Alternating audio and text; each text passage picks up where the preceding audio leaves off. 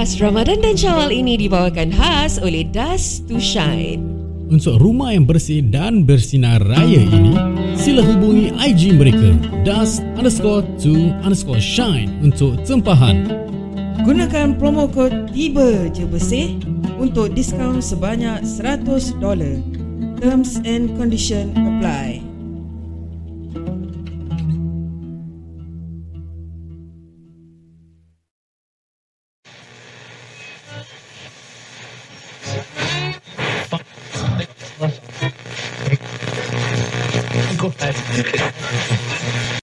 Tiba je bersih. bersih. Tiba je bersih. Tiba, Tiba je bersih. bersih. Tiba je bersih. Eh, kita continue, continue. Kalau-kalau orang dekat Bazar Gilang ni semua. Kau pernah kau pernah kenal-kenal dengan orang kat, kat Bazar Gilang tak? Pernah, Pernah pernah dapat apa? exchange phone numbers tak kat Bazar Gilang? Tak pernah. Tak pernah. Tak pernah. Sedih apa? Okay, because uh, I don't, I'm scared to approach the people. I'm quite introvert in that sense. I lah. only talk to people who I know ni. True, true, true. I'm Ha. always at the receiving end. Dulu punya lelaki lagi macho daripada lelaki sekarang, okay?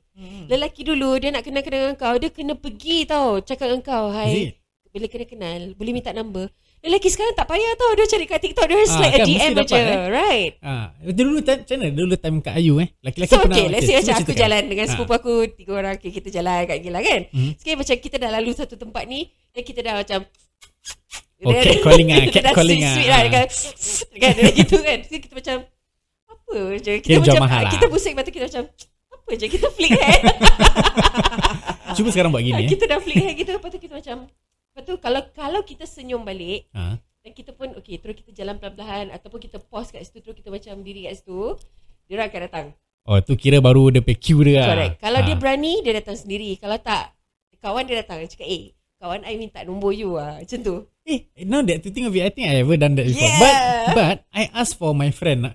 It's not for me. You, kau kira kau jadi wingman lah. Ah, wingman ah. I see. Then kita akan macam, siapa? Yang mana satu? Yang mana satu? Oh, nama dia siapa? ah, Yang tu ah. Ah, Yang diri seorang tu. so kau nak kena ingat, kau kena tanya nama siapa. Ah. Sebab kalau kau bagi lima ke enam tiket hari tu, nanti kau confuse yang mana satu. Betul tak? So kau cakap nama siapa? Oh, nama dia gini. Okay, then kau keluarkan, okay lah ni lah, this one. Nanti just page me lah. This is my Page page lah. Kira kalau dengar balik sekarang kan. Tak style Siapa kena page Orang dulu call ke apa eh, Call nombor rumah tak, pager dulu. Oh pager dulu eh That is where you have the ball in the court. You can decide who you want to talk to. Oh Ah, okay, out of the five people you give your number to, tak Ah. semua lima-lima kau nak nak layan apa? Oh betul-betul Kalau kena yang macam Tak handsome pada kakak Ya. Tak bagi lah Kadang-kadang handsome tapi berbual boring. So kau boleh jawab the next person the other time. Faham faham faham Kak Noi pernah kena Pernah dapat tak, tak. Tak pernah Tapi Kak Noi pernah Minta nombor lelaki Eh, tak lah. Tak pernah juga Ha, aku kalau kalau pergi dah belendir-lendir, dah tak payah tengok orang. Aku aku jalan aja. Kira janji dapat makan Dapat air ha, Dah dah ciao beli beli barang apa yang nak eh? Ah. Okey, dah. Eh but, but korang dah beli Korang belum pergi beli baju lagi Belum, belum. Bila bila nak lah. beli Atau korang tempah Uh, mungkin aku nak pergi Johor this time around. Nak tengok-tengok dulu kat Johor. ha? Pergi Angsana ke, pergi mana ke. Oh, Ah. pergi naik all the way sampai kat apa kota tinggi ke dekat apa Eh, lah. Ah, diorang cakap banyak tempat jual kuih. Pergi Thailand sekali Thailand buat apa? Dia tak celebrate hari raya. Thailand beli kun cup. Ah, corn cup. Corn cup. kun cup. Ah, macam kau ingat tak kita malam raya pernah emergency cari benda dua orang? Ha, Kan? Mana? Kat Ah. Mustafa eh Korang cari Tak tak, dekat Gilang. Kita kat pergi Gilang? Cakap, "Nya, you nak cari ni ah. Okey okey jom mal- malam raya all the way.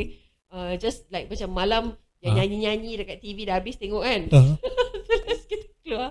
Pergi cari langsir lah, cari alas kaki lah, cari apa lah. Tapi nanti last minute last minute itu murah sikit eh Kan atau sama je Dulu last minute murah, betul tak? Betul. I know the carpet nanti ada macam Sokop macam bidding ke apa Something like that eh Dulu Dia macam ada gitu ah. Dulu malam raya Diorang cakap Kalau dah macam 2-3 pagi Diorang Ah. dah lelong-lelong Because They don't want to keep the items anymore Lagi senang lah Nak Right. bersihkan pun senang lah But kan? now I think the same Pasar malam people Will go to a different bazaar To sell the same item. So diorang dah tak ada lelong lagi. Probably lah probably. Diorang cakap aja lelong But I, I couldn't ada. think It's Ah. really lelong. Actually diorang bagi harga pun. Let's say ada pay cost price eh. Example lah uh, $50 Hmm. Diorang kalau Diorang ada Diorang punya selling price is $100 Habis diorang Kat Gilang tu Diorang akan markupkan $200 Nanti bila part diskaun Diorang kata Okay kita diskaun-diskaun $100 Padahal memang tu selling price orang $100 Kita pun tak tahu. Uh-uh. And uh, I get to know from one of my friend eh Dia dah, dah dapat macam booth dekat uh, Malaysia tau Dia kata booth kat Malaysia ni Banyak Singaporeans juga Yang buka booth kat sana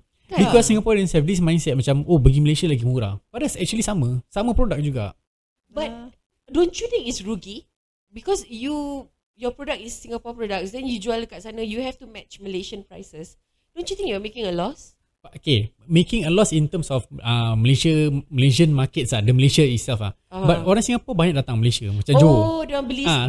dia sendiri beli balik kat barang Ah. Singapore kat sana. Correct. Ha. So Singaporeans akan nampak dekat Malaysia, eh ni murah sih. Eh, Uh, example 50 ringgit tapi kat Singapore 10 dollar. Example macam gitu lah. Oh. But eh 50 ringgit baru apa kalau divide by 3 baru berapa? Uh, uh, Ah, padahal about the same lagi mahal maybe. Then orang make money like that kan. This is what I heard lah from my friend. I don't know how true is it lah. Maybe maybe certain products can make it, maybe certain products cannot make it lah kan. Okay, there was this thing about uh, pernah kecoh kan satu time tu macam orang uh, sibuk nak buka puasa untuk orang-orang Islam tapi yang ramai yang queue tengah cari makan semua bukan orang Islam. Ah. So they was like making a big deal about Kat Singapore kan tu. it kat Singapore. Macam Ah. dia cakap macam eh kita orang Melayu ber dan dekat queue tu semua banyak-banyak yang yang tengah queue Bangsa tu lain bangsa lah. lain Ah. nak, nak makan burger Ramli nak makan apa. So there was this thing about okay let's not allow non-Muslim to go and buy during the breakfast time from Ada? a period or this period that kind of thing. There was a discussion lah Ah, like okay, that. okay. Then there was also discussion about stroller or non-strollers. Ah, Apa pendapat korang? Eh, okay, aku terus terang eh, aku pernah anak kembar kan. Ah. Aku tak bawa stroller sih. Aku pakai aku seorang pergi Gelang, Ah. not with anyone else. I was alone. Mhm. My twins was about 4 5 months. Hmm. Satu aku uh, kat Gendong. depan, gendong kat depan. Satu aku gendong kat belakang macam backpack tau. Eh. Aku jalan tau. Aku takkan bawa stroller because aku sendiri rasa it's a nuisance untuk aku tolak and aku sikit-sikit langgar kaki, langgar-langgar kaki orang. Langgar kaki orang. Langgar kaki orang. Belang- Belanggar. Belanggar kaki okay. Sakit deh. okay, kalau Kak Nai pula what is your opinion? With stroller ke atau tak? Without. Without stroller lah. Without stroller juga. Sekarang sekarang pun ada apa tu yang uh, wheelchair punya yang apa yang PME ya. Personal Mobility Aid. PMD eh. Ah, tu skuter. PMD Eh, skuter. le- yang PMA. wheelchair. Ha? PM. Personal Mobility Aid. Oh, PMA. Ah, itu pun sekarang uh, dah ada. Kadang-kadang orang ni macam uh, how to say ah, they, they like Take for granted eh. ah nanti orang main langgar je sih. Don't you think that you know th- those devices are to be used on places that that has more space? Kalau tak ada orang go ahead kau pakai je kat situ kau jalan kau ulang alik lari-lari Correct, 80 km pun tak ada orang kisah. Hmm. Tapi bila kau nak pergi bazar tengah orang ramai macam gitu, don't you think kau pun rasa rimas nak bawa benda kau? Pada aku Correct. lah. Ah. I will always think for others first. Aku akan rasa macam eh it's a nuisance untuk aku, it's also a nuisance untuk orang. Aku asyik langgar-langgar kaki orang je tak payah. But there are still people in this world who only thinks for themselves. Anak aku dua, aku nak taruh barang, aku punya pasal lah. Okay, I, I, for me eh, my opinion eh, Hmm. it's a yes and a no. Hmm. Yes, you can bring. Mm-mm. Silakan bawa. Maybe kita pun tak tahu keadaan orang Mm-mm. kesihatan tu macam mana. Mm-mm. Dia ah, apa ni dia macam badan dia sakit ke apa kita pun tak tahu. So kalau dia nak bawa tu stroller go ahead bawa. Tapi at the same time be mindful. Jalan cepat sikit lah. Jangan nak hog the area. Habis dah, dah kat tengah-tengah jalan tengok kiri. Stop kat situ. Tengok surrounding. Tengok lampu. Habis bawa yang macam kalau orang twins eh. Baby twins bawa yang besar-besar nak mampus. Is in, apa inconsiderate apa. Yeah, correct. Ah, merepek lah. To me, it's not nice lah kan macam gitu. To a certain level, I also feel that if you want to go to this kind of places, kau bawa baby kau dengan panas-panas, dengan peluh-peluh, tak payahlah. Tinggalkan je baby kat rumah. Kalau dah betul-betul tak ada orang jaga, buat macam aku. Gendong dua-dua. Cepat-cepat beli, cepat-cepat jalan. But aku takkan rasa kesian kan budak tu pun panas, Panas, kau. Ha, rimas berpeluh-peluh. Grab pun ada apa. Ya. Bawa beli je kat Grab. Kirim members ke apa eh. True. Kalau la- laki bini, takkan dua-dua laki bini nak kena pergi sama-sama. Boleh Hmm. just ask the husband, are you pergi sana, beli ni, ni, ni, bawa balik. Hmm. Dah makan kat rumah. True, true, kan true, senang true, apa. true. Ada banyak cara apa. Tunggu kat kereta, habis okay, husband dah pergi beli makan dalam kereta ke. Correct. Okay juga eh. Correct, correct. Sekarang kan inting apa. Buka tu apa, kerusi apa tadi kakak kata? Apa nama brand tu? Picha. Ah, Kwicha tu, makan kat tepi. Duduk makan eh. Ah, betul. Kalau kau bawa anak, kau bawa apa kan? Kau Ha. bawa kursi kuica. Kau park kereta, Hmm. kau belakang kereta kau, kau taruh kerusi kau, taruh anak kau punya stroller, kau lepak situ. Turn by turn lah. Laki pergi dulu beli air, lepas tu patah Hmm. Balik, bini pula jalan sendiri pergi situ. Hmm. But kalau kau nak jalan berduaan pipi tangan then I don't think you should bring your kid and your stroller. I Betul, feel, betul. I feel. Ha. I feel. What you think? Kan I? Yalah sama lah Kadang-kadang macam uh, convenience for other people also lah. Kita nak kena fikir juga tentang orang-orang uh, sekeliling kita Correct. kan. Pasal dia orang Takkan- akan cakap, kau tak ada anak, kau tak tahu apa. Eh, Ya. aku pernah ada anak. Ya. Aku pernah bawa anak aku jalan bazar. Tapi aku gendong. Aku gendong. Aduh. Sebab I- aku I like rimas kind nak of bawa. uh, statement sih. Kau Ya. tak ada anak, kau tak tahu apa. Ya, apa. ya, ya, So ya. what? I need to have anak to know what is the situation. correct, I don't correct. need what. Ya. Right.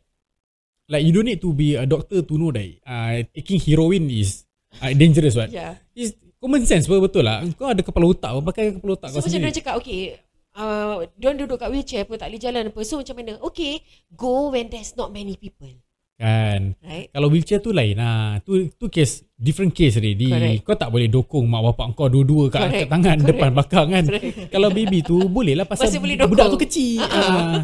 kalau dah tu kalau let's say dah kat wheelchair dah tahu wheelchair tu susah. Memang kadang-kadang mak bapak ni nak tengok suasana. Ya, ya, ya. Correct, correct. Boleh bawa tapi like I say lah be, uh, be mindful lah. Jal, jangan hog the place kat tengah-tengah dunia habis stop kat situ. Habis langgar kaki orang and Ha, ha. assume that I have the right of way. They give you that look macam, Ha ha ish. aku punya way, aku punya suka. Eh, please lah, kau jalan kau tak nampak apa kaki orang. Ah, Ha you know? lah betul Ya. betul betul. betul. Titik-titik. Eh korang pernah kena?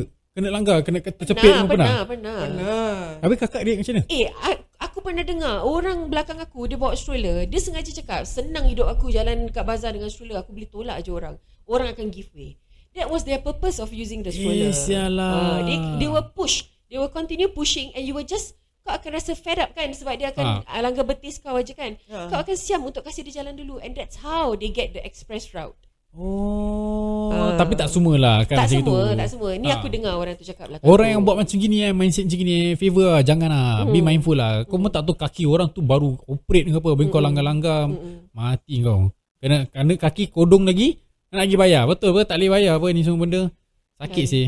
Itulah. Kan orang ni, tak tahu lah eh. Jangan jangan jangan self absorb lah pada aku. Hmm. Uh, Ramadan ni sekali-sekala je. Let's all enjoy it together. The Yeah. bazaar only comes once a year. Let's all enjoy it together. If you feel that it's too packed, there's too many people walking, dah terlalu ramai sangat, orang dah pack sangat, fold your stroller. Ha, betul, Fold betul. your stroller. Ha. Carry your child, your wife can carry the things, you just fold the stroller, sangkut kat bahu kau or something like that. Or kalau kau dah rasa pack sangat, kau, there is no way of anyone carrying anything, then you don't enter the bazaar. Kau jalan luar bazaar.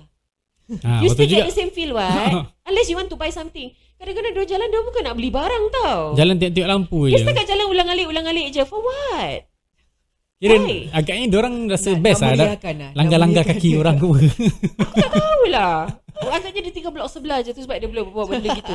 Eh, dia I will not travel ni. all the way from Jurong to Geylang to experience that. Sekarang No. untuk jalan-jalan je eh, tak kan. Correct, Mesti correct. ada motif ke, ada objektif. Datang sini nak beli ni. Aku ada tu. sweet memory for bulan puasa sebab waktu tu, waktu aku kenal husband aku for the first time, bulan puasa. Oh. So kita kenal uh, like second or first week of puasa gitu. Lepas tu dia ajak aku pergi Geylang, pergi jalan-jalan kat bazar kan. Ha. So aku dah cakap dia, B, there's no more COVID, the bazaar is back. Ha. Don't you want to relive our dating moments? Then it's like, okay, boleh. So kita kena pergi jalan. So you kena action tau macam nak cross the road. Macam nak pegang tangan I, habis- habis macam tak nak tau. Kira macam malu-malu Ah, lah. macam dia, eh lelaki kalau Ah. kalau belum kahwin dulu, baru-baru kenal, dia semangat tau nak cross the road. Dia macam nak nak pegang kau punya arm kau macam eh cepat cepat kesian nanti kena langgar kereta macam tu Ah, tau ah. dia dah kahwin dia tak peduli kau kena langgar kereta ke tidak kan Am I still like that not? ah? I also don't know. ah. Bi, I macam gitu lagi tak Bi? Sekarang Yudi jalan la- laju sah. Wuh, ke depan. Tahu nak sampai rumah tu nak stretch kaki. Okey lah Okay. kita nak get ready untuk berbuka puasa Yes, Kak Noi ni pun dah ter-eng-ong-eng-ong eh. Ya, selamat berbuka di mana eh. Ah, saja eh. anda berada. Okay. Okay, see you. See you next episode. Bye.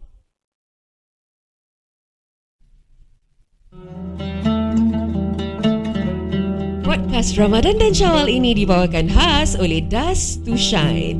Untuk rumah yang bersih dan bersinar raya ini, sila hubungi IG mereka dust underscore to underscore shine untuk tempahan. Gunakan promo kod tiba je bersih untuk diskaun sebanyak $100. Terms and condition apply.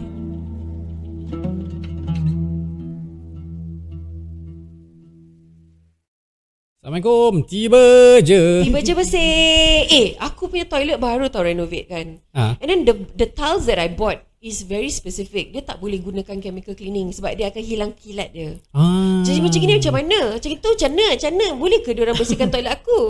I, I think they they they they might have this service. Maybe you can engage them dekat dalam IG apa. They could have this polishing service. I ever saw in their IG lah. Polish polish metal ni semua. Vinyl, laminate ni semua. They have this uh, service to polish marble ni semua. ya sebab kontraktor aku dah cakap clearly tau. Aku punya tiles toilet yang kilat tu tak boleh pakai uh, sieve, tak boleh pakai apa-apa benda. Eh. Ah yes, nanti dia akan hilang kilat dia dia akan jadi malap. Pudar. Pudar. Ah, oh because your tiles is glossy eh. Yes. Oh. So nanti aku nak tanya diorang ah, diorang boleh tak buatkan uh, apa aku punya walls bathroom walls yang glossy ni. Ha, ha. Eh ni bila panak raya ni apa? Kak Noi yang cuci sendiri ke atau apa? Kerana yang selalunya adalah uh, cuci sendiri. Tapi macam ada ni promotion kan. Ah, Macam boleh tanya Boleh try lah, eh. Sebab, sebab katanya tiles uh, dia, dia dia jarak dia jauh-jauh tu. Kan tengah-tengah oh the grouting tu eh. Ah. Habis nanti nampak macam hitam-hitam nanti orang ingat aku tak mau rumah saya. Oh, actually, speaking of your tiles ni and grouting ni semua, they actually have this uh, whole house cleaning inclusive of toilet chemical cleaning plus kitchen washing lah. Ah. So you can actually engage this. So when they say washing means they really come to your house and they wash your living room, kitchen Mm-mm. and toilets. Wash bukan mop aja. Dia orang akan cuci, kasih basah, cuci, gosok, gosok, gosok, gosok, cuci. So harga harga dia eh for 3 room uh, 3 room BTO usual price is $180 eh u- sorry usual price is $280 the promo price is $180 Yeah. so for 4 room BTO usual price is $330 the promo price is $230 so for 5 room BTO usual price is 380 the promo price is 280 so is going to be $100 off lah kalau gunakan promo code apa? Tiba je bersih. Tiba, Tiba je, je je bersih. They also have this uh, toilet chemical cleaning, also have carpet cleaning. So if you guys want to know more pasal dorang punya cleaning semua, can always go to their Instagram, check out their reviews semua. Betul tak? Aku pernah bayar tau sampai 500 tau untuk buat satu rumah. Really ah? Satu kali bersih. Tu kat rumah mana? 500 rumah Pioneer.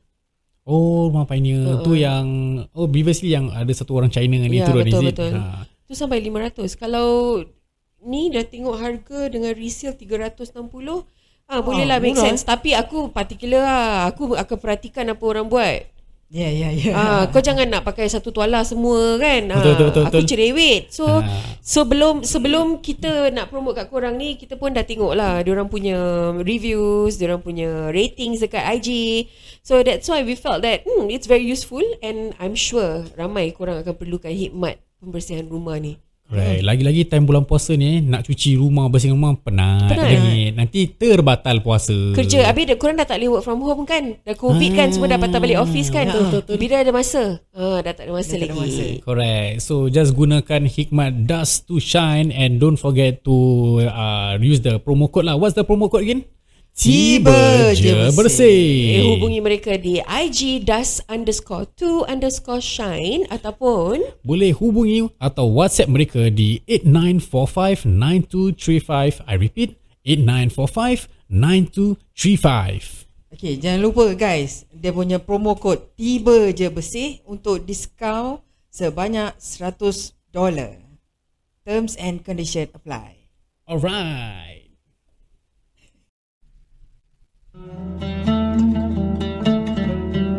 Podcast Ramadan dan Syawal ini dibawakan khas oleh Das to Shine. Untuk rumah yang bersih dan bersinar raya ini, sila hubungi IG mereka dust underscore to underscore shine untuk tempahan. Gunakan promo kod tiba je bersih untuk diskaun sebanyak $100. Terms and condition apply.